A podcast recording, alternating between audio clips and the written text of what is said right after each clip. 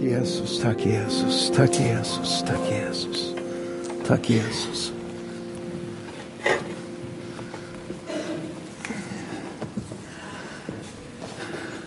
God förmiddag. Ola Olofsson heter jag. Eh, morföräldrar känner igen mig. Jag har varit ungdomspastor här en gång i förra årtusendet. Och eh, eh, har nu fått förmånen att dela en förmiddag tillsammans med er.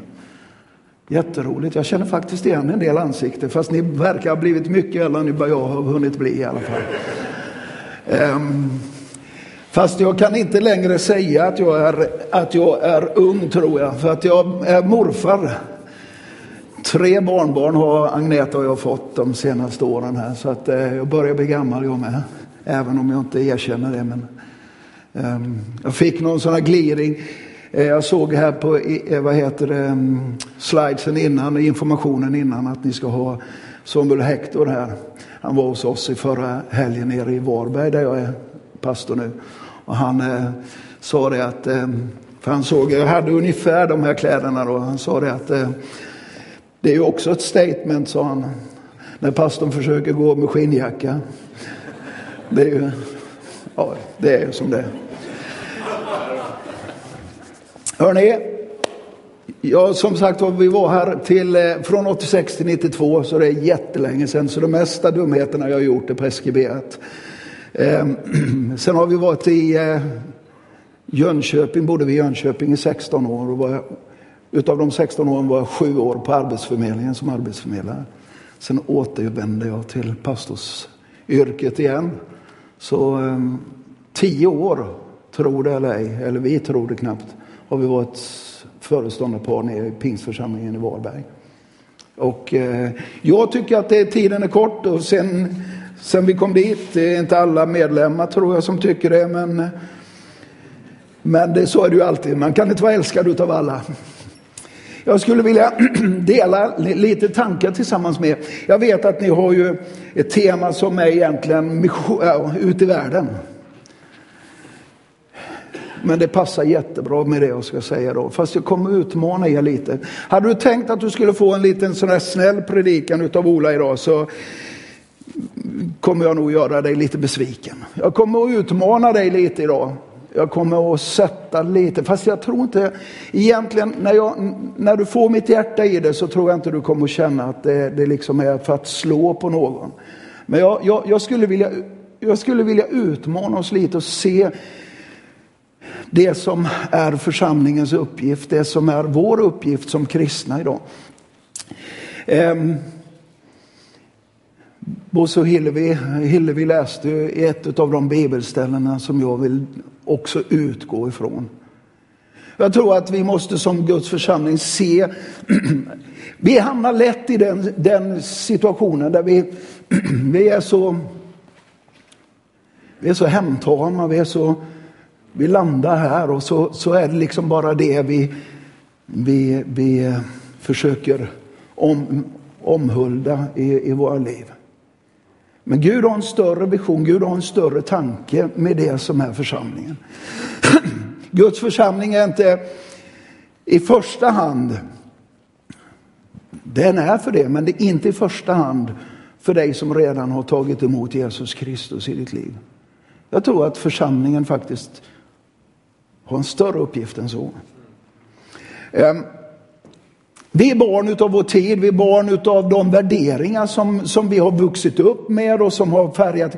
Ju äldre man blir, desto mer inser man ju att man är barn utav sin tid, eller hur? Jag menar, jag, jag, kan, ju, jag kan se vissa grejer som är så ty, tydligt 70-80-tal. Jag är ju så gammal så att 70-80-tal, för er, er, unga så är det någonstans i förra årtusendet. Alltså det är jättelänge sedan. Jag kan se att jag bär med mig, trots att det har gått så många år, så bär jag med mig en massa värderingar i mitt liv. I vår tid, och jag tror att även idag så påverkas jag av den tiden som vi lever i. I vår tid så bombarderas vi ju mer än någonsin av värderingar. Och jag tror att vi som Guds församling behöver fundera över vad är det för värderingar som faktiskt är positiva att få in i Guds församling? Och vilka värderingar behöver vi faktiskt fundera över? Är det sådana värderingar som vi ska ha som Guds folk? Alltså vi lägger ingen politisk eller någon annan liksom raster på det, men utifrån evangeliet. Ehm, så jag skulle vilja uppmana oss idag att liksom förstå att ingen generation, oavsett om du har passerat som jag, väl 55 eller om du är liksom eh, 20 eller i vilken situation du än är, så att vi inte, att vi inte förnekar att vi faktiskt är barn av vår tid. En fråga som jag ställer mig i det här det är, vad är drivkraften i mitt liv och i församlingens liv idag? Vad är drivkraften? Ni är ju fantastiska som har kommit hit idag. Vad är det som är drivkraften till att du är här just idag? Jag hade inget annat val. Kanske någon ungdom säger. Eller, nej men jag har det som vana. Jag går till kyrkan. Söndag är Sunday church day. Det är liksom det som gäller. Vi som kyrkor kan definiera olika saker som vi vill göra, vad vi är bra på. Men jag tror att vi som Guds församling också behöver förstå vad vår grundkallelse är. Vad finns vi här för? Vi läste, vi fick höra det läsas, Matteus 28. I 18 versen så säger Jesus, gå därför ut och gör alla folk till mina lärjungar. Det är på något sätt huvudkallelsen som Guds församling.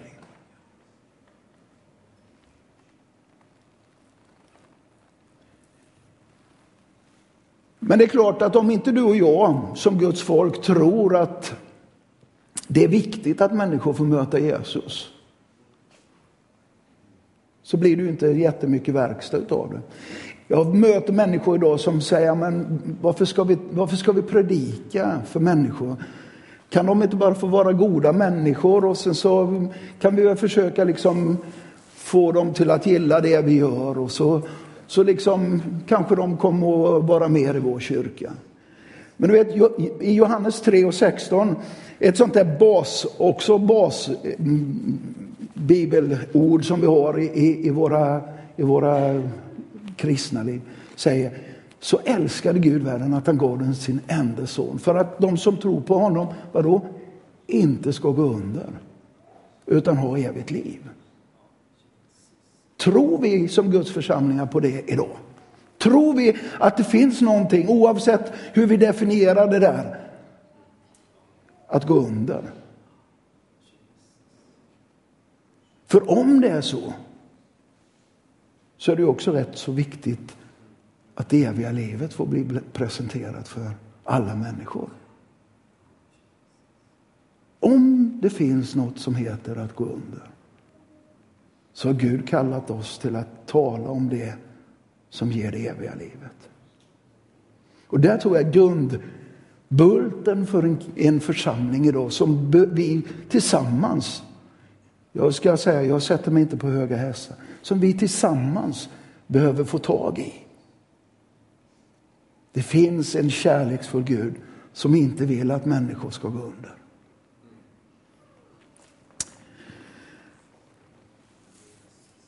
Vi har ju en tuff utmaning idag. Vi lever i en självupptagen tid.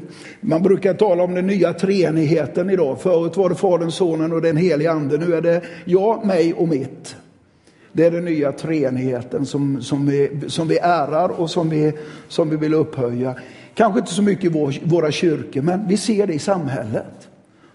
Och i och med att vi ser det i samhället så är det inte alls omöjligt att det sipprar in åtminstone påverkan i våra egna liv. När jag jobbar lite med det här med, med eh, förändring, församling. Så jag, jag, sen eh, höstas här så är jag också del av min tjänst i pingst med pingst nystart. Jag hjälper framförallt företrädesvis mindre församlingar som har gått i stå när det gäller sin verksamhet. Man, en del håller på att dö ut.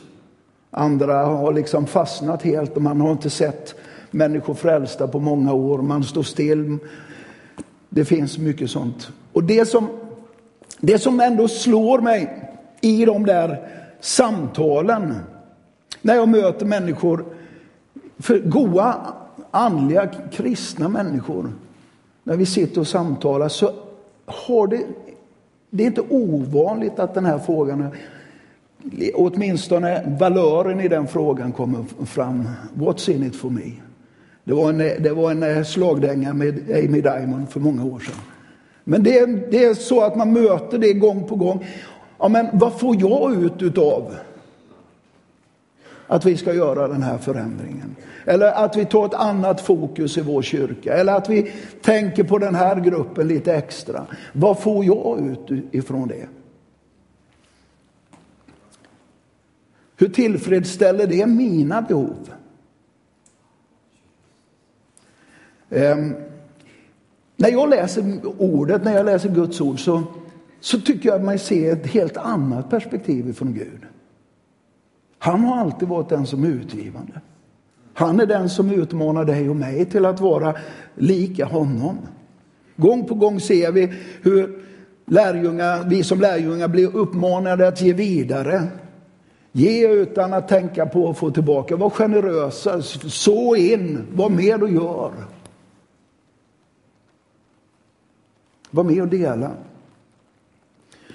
Men ibland kan jag uppleva att jag och andra är mer fast i det vi har än det som Gud har planerat för oss som Guds församling. Tror ni? Ställer frågan. Tror ni att ni ämnade för någonting mer som församling än det som ni ser idag? Amen. En gång till. Tror ni att ni ämnade för någonting mer än det som ni ser idag? Jag tror det. Jag tror i, I min värld så finns det ingenting som säger att Guds församling ska krypa utifrån historiens scen den dagen som Jesus kommer tillbaka och säger jag ska hämta min församling till sig. Ja, men det ska bli så svårt och det ska bli så jobbigt. Ja, jag tror att tider och stunder kan vara svåra, men för Guds församling så behöver det inte innebära att vi blir så små, så liten och så obetydlig skara som möjligt. Jag tror att Gud har kallat oss till att se att han vill att alla människor ska bli frälsta. Men visst, när vi säger det så skapar det ju lite skav i våra liv. För det innebär ju att jag kanske behöver omprioritera mitt liv lite. Det är lite jobbigt. Ja, men jag ska säga, ja, men nyfrälsta, förstår ni, det är bara jobbigt. Det är som att få barn. De bajsar på sig och spyr på en ibland. Och... Sen är de vakna på nätterna också, de, de små marodörerna. Vi har ju barnbarn nu och när man får ha dem med, vi vill inte säga åh det är klart att vi ska ha barnbarnen, de ska få sova över här. Och dagen efter när de har sovit över så funderar man på varför gjorde vi det här? Fantastiskt, jag älskar mina barnbarn men, och, men du vet, man bara inser hur det är jobbigt. Så är det också med Guds församling. Ska vi tänka någonting mer, ska vi tänka längre, så är det klart att det kommer att skava lite. Jag vill ta med dig i ett längre bibelsammanhang, jag har citerat ett antal bibelord, men jag vill ta med dig i ett längre bibelsammanhang ifrån Andra Kungaboken. Det sjunde kapitlet. Det är egentligen en ganska fruktansvärd berättelse. Det är, det är när Samaria som, ligger i, som är huvudstaden i Nordriket är belägrat utav utav, eh, glömmer jag alltid vilka de är, Am amalekiterna tror jag det Och i det läget så har de stängt in staden, de, de håller på att liksom eh, svälta ut Samaria. Och I det läget så kommer Elisa, profeten Elisa och kungen han istället för att liksom ta råd av Elisa så beskyller han Elisa för att vara orsaken till att man svälter. Allt elände och bröte är kyrkans fel, nej men profetens fel. Och så kommer det sammanhanget där, där eh, profeten säger att det ska hända ett under. Och så blir hela, hela Samaria räddad. Men det är egentligen inte den delen utan mittendelen i det som jag skulle vilja fästa vår uppmärksamhet lite vid. Det är de, de fyra spetälska männen som sitter vid Samarias port. De sitter utanför, de får inte vara inne. De är orena. Ehm, jag läser från den tredje versen. Utanför stadsporten uppehöll sig fyra spetälska män. De sa till varandra. Varför stanna här tills vi dör? Om vi bestämmer oss för att gå in i staden nu medan där är svält så kommer vi att dö där. Om vi stannar här kommer vi också dö. Så låt oss gå över till arameernas läger. Låter de oss leva så får vi leva och dödar de oss så låt oss dö. I skymningen steg de upp och gick in i arameernas läger. Men när de kom till utkanten av lägret, då fanns inte en människa där. Herren hade nämligen låtit eh, det höras ett dån av vagnar och hästar, ett dån som en stor här. Och de hade sagt till varandra, Israels kung har säkert lejt hittiternas kungar och egyptiernas kungar för att överfalla oss. Därför hade de brutit upp, i, flytt i skymningen och hade övergett sina tält, sina hästar och åsnor. Och de hade övergett lägret sådant det stod och flytt för att rädda sitt liv. När de spetälska kom till utkanten av lägret gick de in i tält, åt och drack och de tog silvret silver och guld och kläder och gick bort och gömde det. Sedan vände de tillbaka till ett annat tält och tog vad som där fanns och gick bort och gömde det. Jag ska fortsätta alldeles strax och läsa några verser till. Men när jag läste det här för ett tag sedan så kände jag hur det liksom stack rätt in i mitt hjärta. Och i min tanke, om det var den heliga ande eller om jag bara har god fantasi, det får ni väl själva avgöra. Så kände jag att Gud pekade in i, i mitt liv och vår församlingsliv och sa, så håller vi på som kristna idag. Vi har hittat arameernas läger, billigt talat, tomt. Det är silver och guld och kläder. Vi går in och äter oss mätta. Vi har varit svultna, vi har inte haft någonting att äta. Vi äter oss mätta och så går vi ut och så gömmer vi det vi har. Och inte nog med det, när vi har gömt det där så kommer vi tillbaka till nästa tält. Och så tar vi det som finns där och så har vi ju nästan ätit så mycket så vi kan inte äta så mycket nästa gång. Men vi äter lite till och så går vi ut och gömmer det vi har fått med oss. Det talade till mig i det här läget. Men de här var rätt så visa, de här två eh, eller fyra gubbarna som var där. För de fortsätter så här, men därefter sa de till varandra, vi gör inte rätt. Idag kan vi komma med vad då? Evangelium, goda nyheter. Men om vi tiger nu och väntar till imorgon drar vi skuld över oss. Kom nu så går vi och berättar om det här i kungens hus. Och så får de vara de som ger en hel stad det glada nyheten om att det finns mat att äta. Och när jag läste det så tänkte jag på det stället där jag bor, Varberg. Det finns en hel stad som bara svälter. Som hungrar efter det som är Guds välsignelse i deras liv. Men jag är som de spetälska två första rundorna. Gå in, ta det som finns som är av värde, äter med mätt och gå ut och gömmer det. Därför skulle jag vilja upp, utmana oss idag. Fundera över vad är vår uppgift som församling Pingstkyrkan Lidköping? Vad är vår uppgift idag? Jo, det är att tala om för den här staden att det finns en Gud som älskar. Att få ett fokus ifrån mig själv till nya människor. Att säga, det finns andra som är viktigare än vad jag är just nu. Ibland så när vi, möt, när vi jobbar med de här frågorna så, så är det ofta att vi, vi också hamnar i, i det här läget. Ja, men Ska vi ta in massa nya? Vi kan ju knappt ta hand om dem som vi har själva. Ska vi inte ta hand om oss? Ska vi inte ta hand om varandra? Men i min värld så är det ju ingen motsättning. Det finns ju ingenting som vitaliserar som när barnbarnen kommer hem och det är full rulle. Även om vi är trötta efter att de har varit hemma en stund så finns det ju ingenting som är så vitaliserande som när barnen kommer in. Och jag tror att det är precis så med Guds församling också. Vi blir bekväma. Agneta och jag, vi säger det, vi har blivit så bekväma. Därför att vi behöver ju inte ha det här passet hela tiden som vi hade när barnen var små. Vi sätter oss, ni vet, vi är som riktiga pensionärer. Vi har, vi har köpt två lässtolar med pall. Och där sitter vi liksom. När man har kommit hem så tar man sin kaffekopp och sen har vi ett litet sött litet runt bord där och så sätter man sin kaffekopp där och så uff. Det är ju så skönt.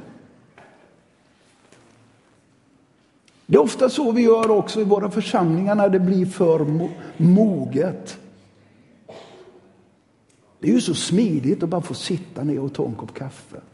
Stör mig inte är du snäll.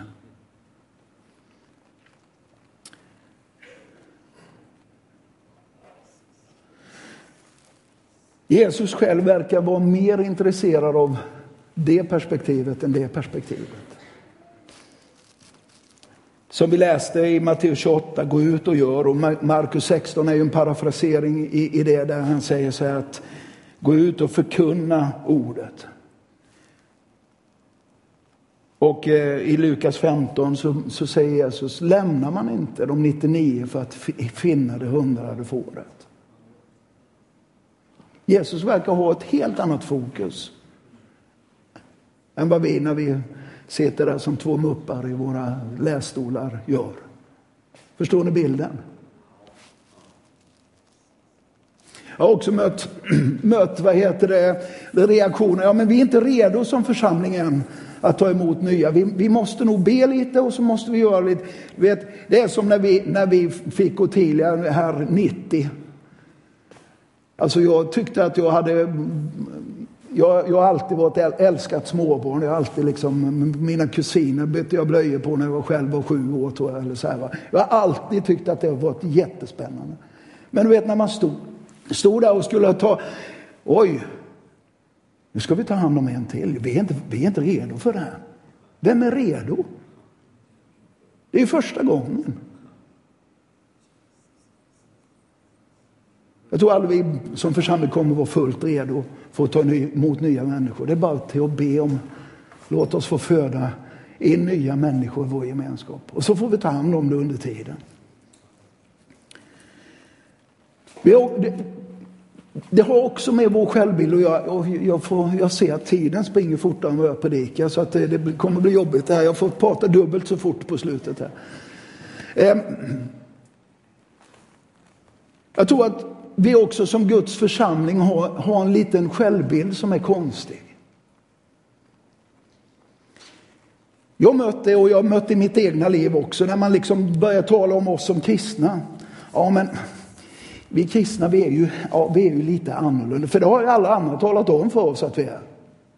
Jaha, du är en sån där kristen? Ja. ja. Och är man sen pingstvän så säger ja men klättrar ni på väggarna eller? Ja, brukar jag säga. Vi har till och med värderat taket så vi inte ska slå i när vi kommer upp.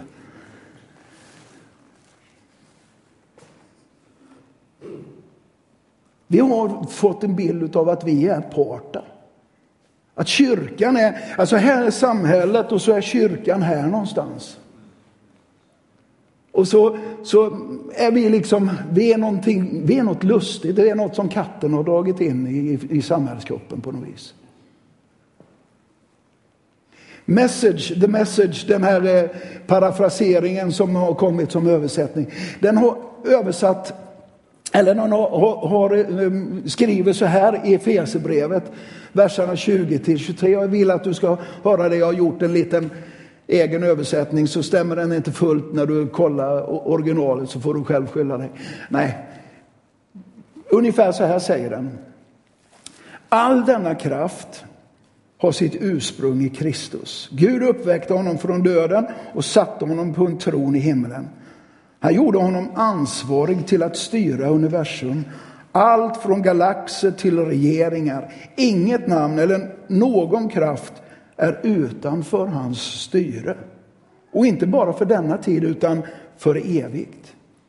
Han styr allting och har det sista ordet i allt. Lyssna nu. Och i centrum har han också placerat kyrkan som också lyder under hans makt. Kyrkan, förstår du, är inte placerad i utkanten utav världen. Utan världen är i utkanten utav kyrkan. Församlingen är Kristi kropp genom vilken han talar, agerar och genom vilken han fyller allt med sin närvaro. Visst är det mäktigt? Vi som har sett oss som något apart, utkanten av samhället, säger Bibeln att vi är satta mitt i. Och vi är centrum därför att Gud är centrum. Inte därför att vi är så fantastiska i oss själva, men därför att Gud är centrum. Och han låter sin vilja bli uppenbarad genom församlingen. Det skapar också ett annat, ett annat tänkande från dig och mig när det gäller att se på oss själva som Guds församling. Bibeln talar om att Guds folk att vi är kallade till att vara huvud, inte svans. Vi är med och påverkar långt mer än vad jag tror vi erkänner vår betydelse. Därför att Gud bor i oss. Jag skulle vilja uppmuntra dig att se församlingen och dig själv som troende som något mycket viktigt i vår värld. Du är viktig. Den här församlingen är viktig. Ja, men det finns andra församlingar. Jag talar inte om det. Jag delar inte upp i det läget. Utan jag säger, Gud har satt församlingen för att visa, uttrycka sin vilja i den här världen.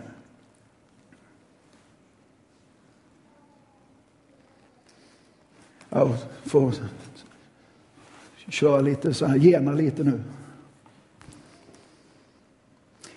En annan sak som jag skulle vilja utmana lite kring detta, det är vår nya människor. Jag tror att vi är satta till att vara Guds sändebud till människor därför att världen går under. Det är konklusionen av punkt ett.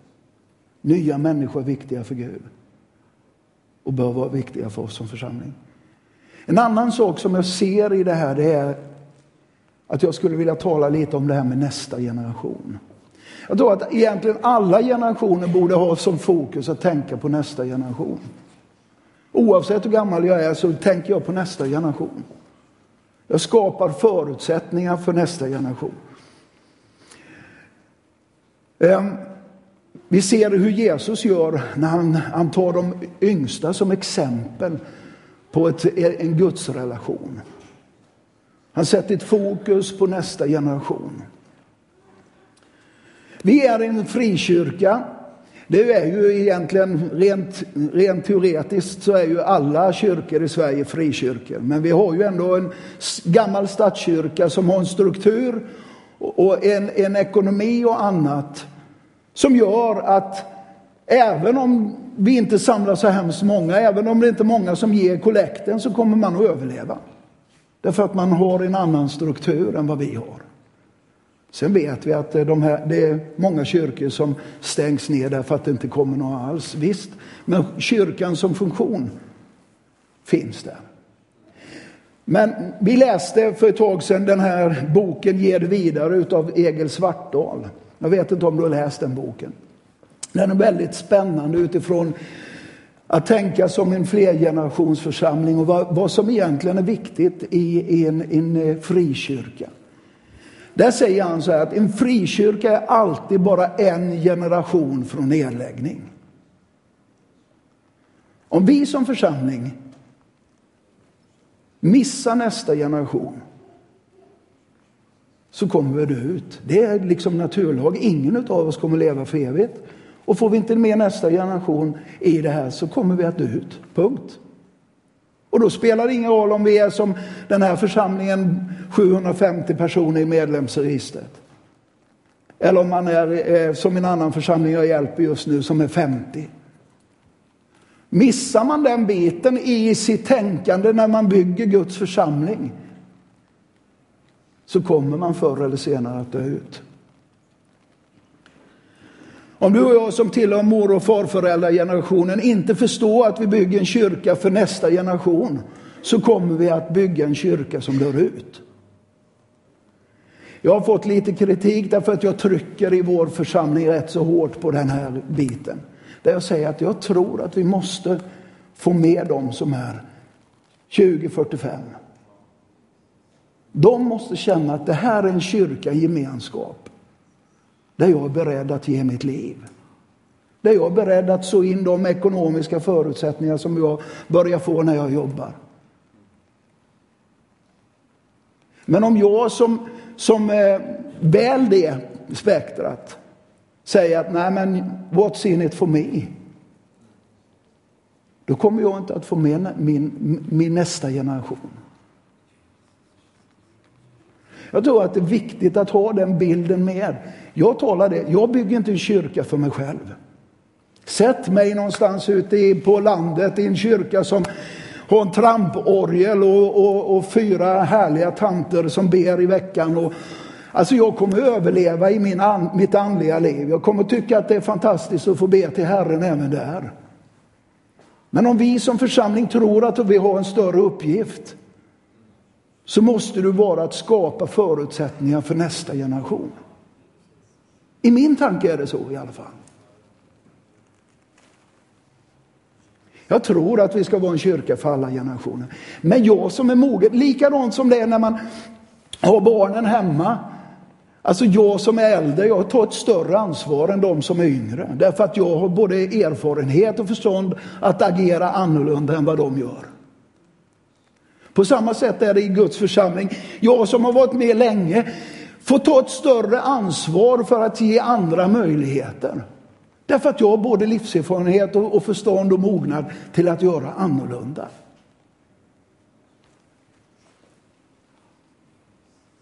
Jag tror att vi ska vara en kyrka för alla generationer. Men jag tror att min generation och äldre, vi får vara beredda att säga det är fantastiskt att ungdomarna kommer hit. Jag fattar ingenting av det de håller på med, både när det gäller musik och de ska ha ljus och ljud och massa grejer. Men de verkar gilla det och de får möta Jesus där. Ja, men då tycker jag att det är bra. Då tycker jag att det är bra. Även om inte jag fick sjunga de sångerna exakt som jag ville sjunga. Men måste man stå upp och, lyfta händerna? Ja, det måste du. Nej, nu, nu skämtar jag. Men att luta sig in och säga vi tror att vi är en församling som är till för den här världen och vi är till för unga människor för det är vår framtid. Räknas inte vi nu? Den kommentaren har jag hört många gånger ska jag säga.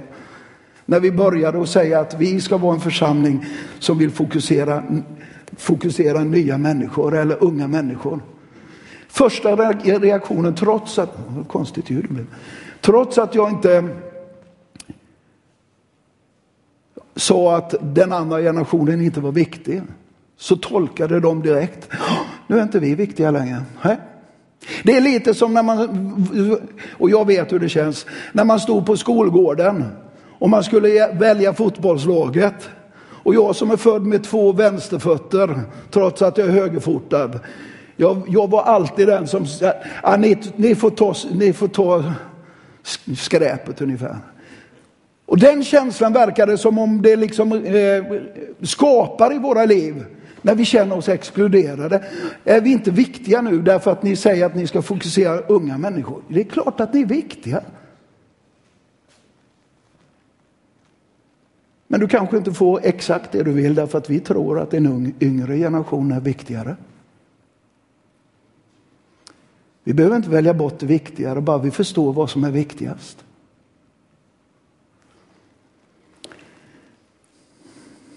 Jag tror att vi behöver få vara med och lasta på lite ansvar, lite, lite förväntan på en ung generation.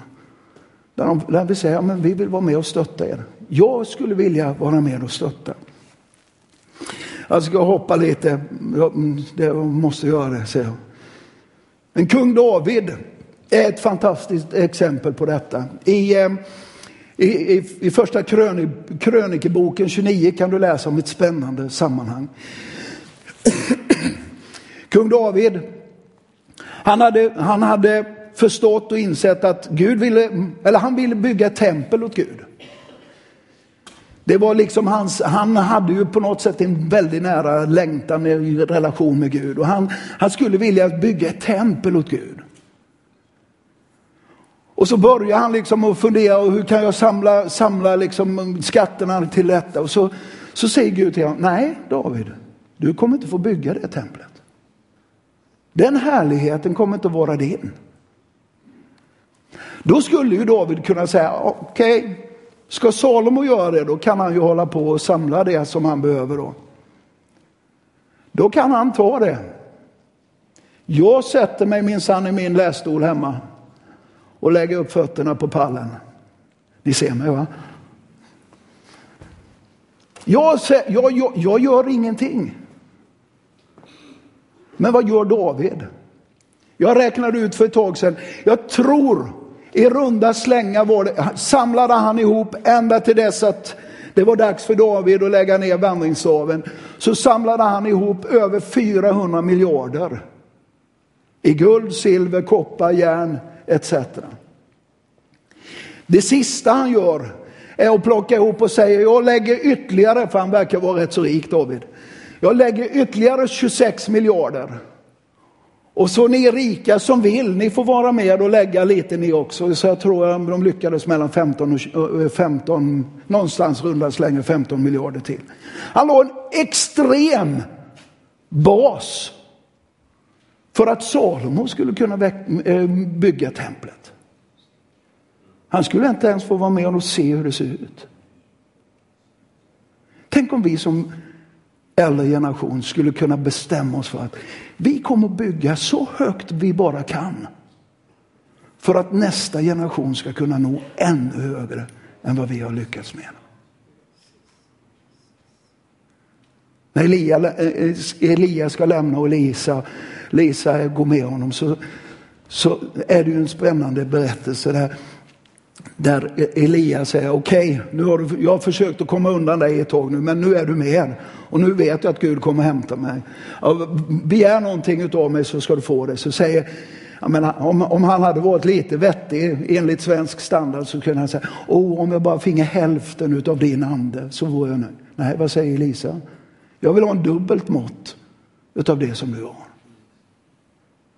Och så säger eh, Elisa till honom, om du ser mig när jag far så, så får du det. Och så ser han honom när han far. Tänk om vi kunde ha det som mål. Vi ska bygga så högt som möjligt för nästa generation att nå längre, högre, bättre än vad vi har gjort. Nu får jag avrunda tror jag. Jag skulle ha velat ha tagit en liten stund för dig när det gäller det här med socialt engagemang. Jag vill säga det, som församling så ska vi nog, som pingstförsamling ska vi nog fundera över vad kan vi ge istället för vad kan vi få? mission, socialt engagemang här i Lidköping. Vad kan ni vara med och ge? Jag tror att det är en sund övning för en, en kristen att göra. Vad kan jag ge? Vad kan jag ge? Man hoppar lite utav den punkten. I allt detta, nu har jag varit rätt så, jag har utmanat lite och liksom gett struktur, men det är klart att i allt detta så kommer vi ingenstans om inte Guds ande verkar i våra liv. Om jag bara gör det här därför att en pastor har sagt att man ska göra det här, då blir det slaveri. Men om jag fattar det i mitt, mitt hjärta, i min ande, att det här Gud är någonting som du rör i mitt hjärta med. Det är någonting som du vill vara med och skapa förutsättningar för i mitt liv. Så kommer det bli en glädje att få vinna den här stormen för Jesus. Att få skapa resurser för att vi skulle kunna bli det som Gud har tänkt att vi ska vara. Den heliga ande, vittnesbördets ande. Han vill vara med och hjälpa dig. När Jesus sände, eller ska skiljas ifrån sina lärjungar så säger han i Apostlagärningarna 1.8. Men när den helige ande kommer över ska ni få kraft och ni ska vittna om mig.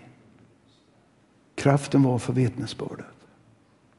Kraften var för att bli förändrad till att göra det som Jesus hade velat att de skulle göra. Jesus säger, jag är vinstocken, Johannes 15 och 15. 15 och 5. Jag är vinstocken och ni är grenarna. Om någon förblir i mig och jag i honom så bär han rik frukt. Utan mig kan ingenting göra. Det finns, väg, det finns ingen väg förbi de andliga grundlagarna. Ska vi få uppleva det som är Guds tanke för våra liv så behöver vi ha med Jesus Kristus i våra hjärtan.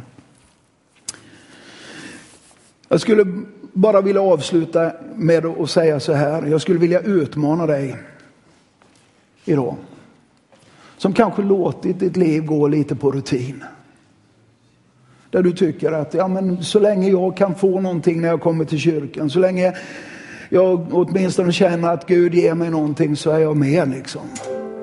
Men tanken är att eh, ja, får jag ingenting så får jag väl liksom släppa det. Men jag skulle, jag skulle vilja utmana dig idag som har gått på rutin i ditt kristna liv under en period. För jag tror att de andliga lagarna gäller för att om vi ska bli det som Gud har tänkt så måste Gud börja med mig. Gud måste börja med att beröra mitt hjärta. Gud måste börja med att ge mig mer av sin ande för att jag ska bli det vittne som Gud har tänkt att jag ska vara. Jag behöver bli berörd så att jag förstår att min generositet inte bara handlar om pengar utan också utrymme för en generation som kommer. Och när jag satt här i början av mötet så bara kände jag hur en helig ande var här.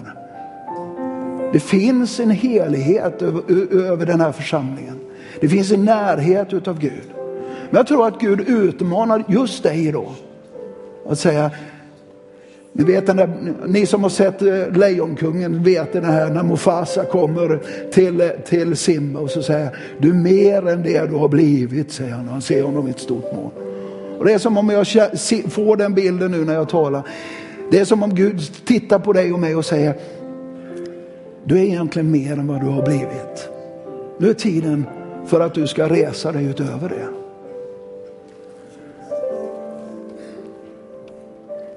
Idag skulle jag också vilja utmana dig att fördjupa din överlåtelse till honom. Att Gud ska få göra i ditt hjärta det som han längtar efter att få göra.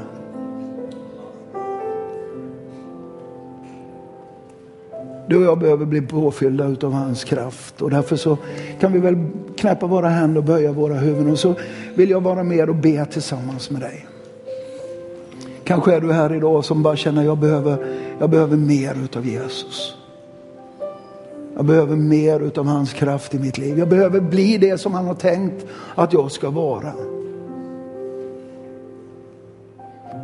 Kanske är du ung människa här idag som bara, jag bara du känner jag behöver mer utav den helige ande för att, att, att jag ska kunna bli det. Du kanske inte är säker på att du är döpt i helig ande. Jesus vill vara här för att röra vid ditt liv just nu. Vi böjer våra huvuden och så be, frågar finns du här som vill att vi ska be för dig? Så räcker du din hand så ska jag vara med och be tillsammans med dig. Inte därför att jag är så helig, men därför att Guds kraft är här. Gud välsigna dig, Gud välsigna dig. Gud välsigna dig, dig och dig och dig. Gud välsigna dig, Gud välsigna dig, dig, dig, dig. Tack Jesus. Tack Jesus, Herre. Tack Jesus. Jag vill också säga att jag tror att jag fick ett ord till någon idag på morgonen när jag satt och bad för den här gudstjänsten. Du har burit på en förtvivlan i ditt hjärta. Du har burit på en, en, en, en, en fråga till Gud på något sätt. Där, där du bara undrar, undrar, vad är du Gud i allt detta? Men jag tror att jag har en hälsning till dig idag, att Gud ser dig. Och det jag fick som ord var att han vill föra dig ut på en rymlig plats. Jag vet inte vad det betyder för dig. Men jag tror att Gud vill föra dig ut på en rymlig plats. Där hans möjligheter kommer att bli dina möjligheter. Herre Jesus, vi tackar dig för att eh, du är här i den här stunden, Herre. Tackar dig för vad du gör i våra hjärtan, Herre. Tack Jesus för människor som jag som sträcker ut vår hand emot dig Gud och säger kom och rör vid mig. Låt mig få bli ännu mer berörd av din ande, ännu mer berörd av din kraft, Herre. Jesus Kristus, Herre, tack för att du i den här stunden kommer med din andes kraft över våra liv, Herre. Tack för att du vill sätta ett nytt fokus i våra hjärtan, Herre. Och Jesus, jag ber dig Herre att eh, det som är utav eget, Herre, får vi lägga ner inför dig och säga, Herre, fyll mig ännu mer med dig själv, Herre. Låt mitt hjärta få bli ännu mer en avbild utav det som du vill i våra liv, Herre. Tack Jesus för att du hör oss, Herre. Kom med din ande, kom med din kraft just nu, Herre. Rätt in i de, de liv som har sträckt sig mot dig, Herre. Jesus, vi tackar dig för att du som ser till våra hjärtan, Herre, du vill också vara med och fylla utav det som är ditt goda, Herre. I Jesu namn.